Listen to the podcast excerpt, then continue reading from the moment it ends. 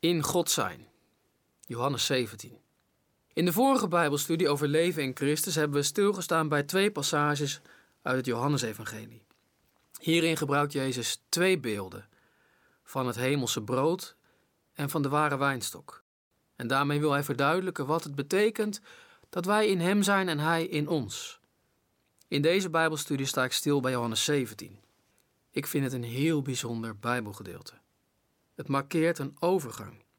Als je de eerste brief van Johannes leest, dan wordt daar gezegd dat wij in God zijn.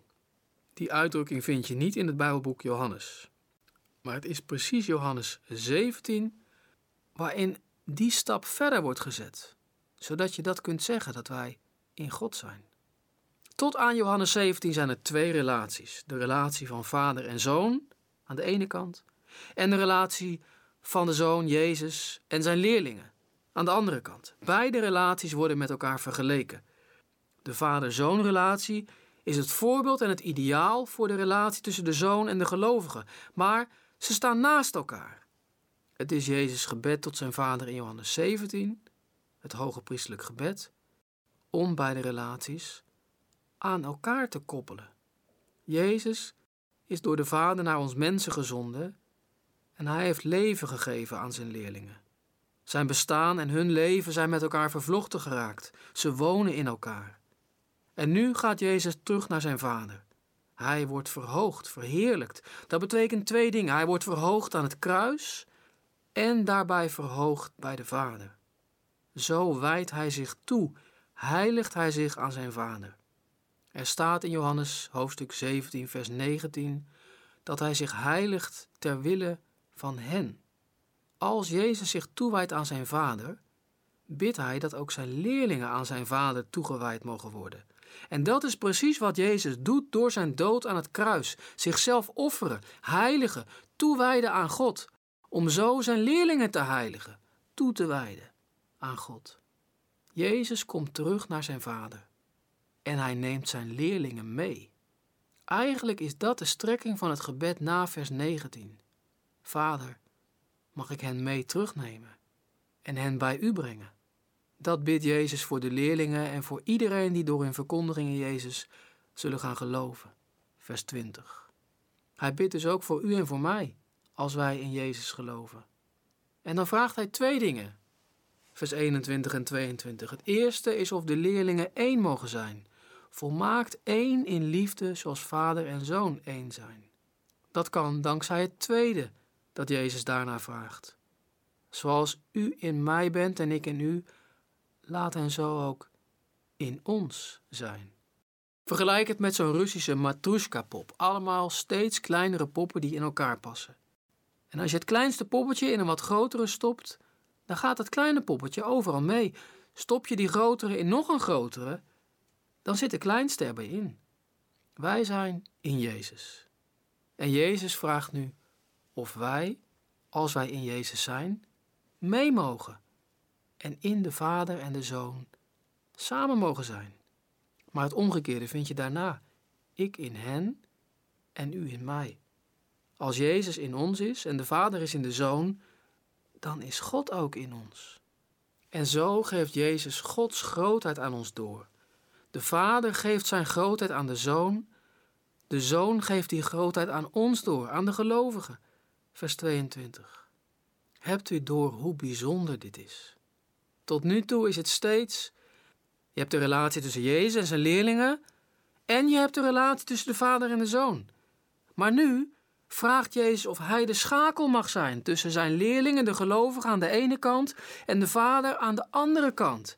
Of via Jezus, via zijn gebed, via zijn dood, via zijn offer, degenen die in hem geloven en God heel hecht met elkaar verbonden mogen zijn. En of hij die mensen mee mag nemen.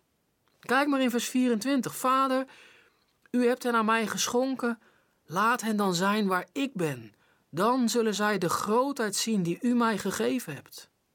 En het meest bijzondere komt aan het slot. Jezus bidt, vers 25, dat de liefde waarmee u mij liefhad in hen zal zijn en ik in hen. Hij vraagt of de liefde van de Vader voor de Zoon ook in ons, Jezus leerlingen, mag zijn. En dan blijkt de liefde van de Vader de drive achter alles te zijn. Met de liefde van de Vader komt de Zoon mee. Als de Zoon komt, komen we bij Gods liefde. Als Gods liefde ons bereikt, komt de Zoon mee. Zou je dat bedenken? De Vader die van je houdt, zoals van zijn Zoon? Waar is God? Is God ver weg? En hoe kun je met God verbonden zijn? Wat je in Johannes 17 heel mooi ziet, is hoe Jezus de schakel is tussen ons en de Vader. En dan moet je daar ook meteen de Heilige Geest bij bedenken, de Geest van God. Een kerkvader van lang geleden, Irenaeus, vergeleek Jezus, de Zoon van God, en de Heilige Geest van God met Gods handen.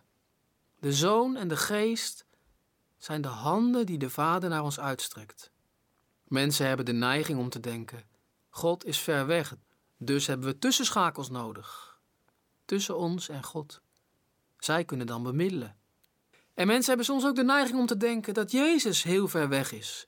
Dan moeten anderen maar tussen ons en Jezus instaan. Maar Johannes 17 maakt heel duidelijk: God de Vader overbrugt zelf de afstand. En hij doet dat uit liefde. Hij houdt van zijn zoon en hij stuurt zijn zoon naar ons toe. Hij wil ons laten delen in zijn liefde voor zijn zoon. Zoals hij van zijn zoon houdt. Zo wil hij ook van ons houden. Niet ver weg, hoog in de hemel, maar dichtbij. Jezus komt naar ons toe en nodigt ons uit om in Hem te geloven, zodat Hij in ons komt en wij in Hem. Zo dichtbij dat we kunnen zeggen dat we in Christus zijn en Christus in ons is.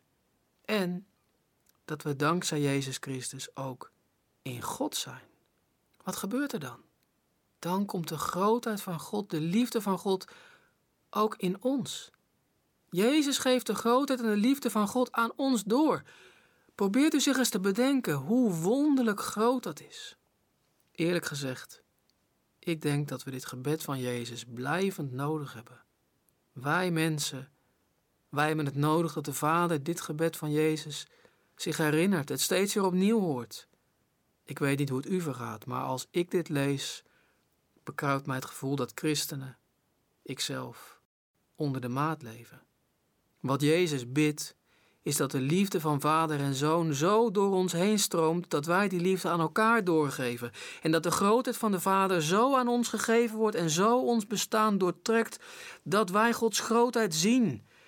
En dat dit blijkt in hoe christenen met elkaar omgaan, elkaar lief hebben en samen één zijn zoals vader en zoon. Eén zijn. En dat heeft een duidelijk doel: God zichtbaar maken in deze wereld. Kijk maar in vers 21.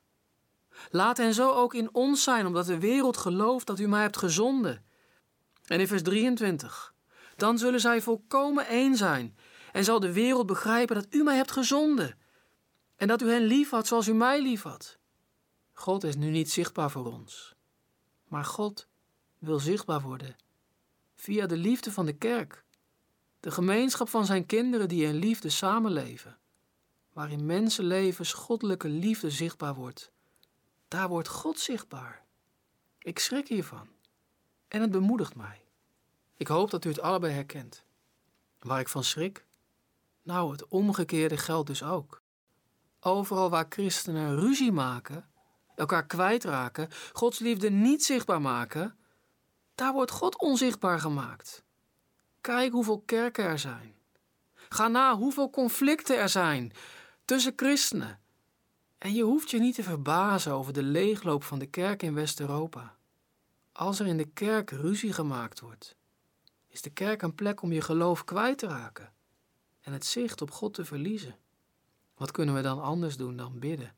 Heer, ontferm u. Jezus Christus, blijf dit voor ons bidden. Maar dit gebed heeft ook een geweldige bemoediging in zich. Overal waar mensen zich afkeren van hun egoïsme, vergeving en nieuw leven zoeken. In verlangen naar Gods liefde zich uitstrekken naar Jezus Christus. Daar vinden ze een geweldige bron van vernieuwing. God wil ons zijn liefde geven. God geeft ons zijn zoon. We mogen die liefde ontvangen en geloven in Gods zoon. En dan belooft God ons zijn vaderliefde, zijn grootheid. En ook dat herken ik. prachtige momenten van gemeenschap en liefde die inderdaad van God spreken en aan het denken zetten. Wat is dit? Dit ken ik niet. Zou dit van God zijn? Dit gebed heeft een geweldige belofte in zich. Wij mensen mogen in geloof en in liefde God tastbaar maken. Hij is niet ver weg. Hij is dichtbij. Wij mogen zo leven dat God vindbaar wordt voor wie hem nog niet kennen.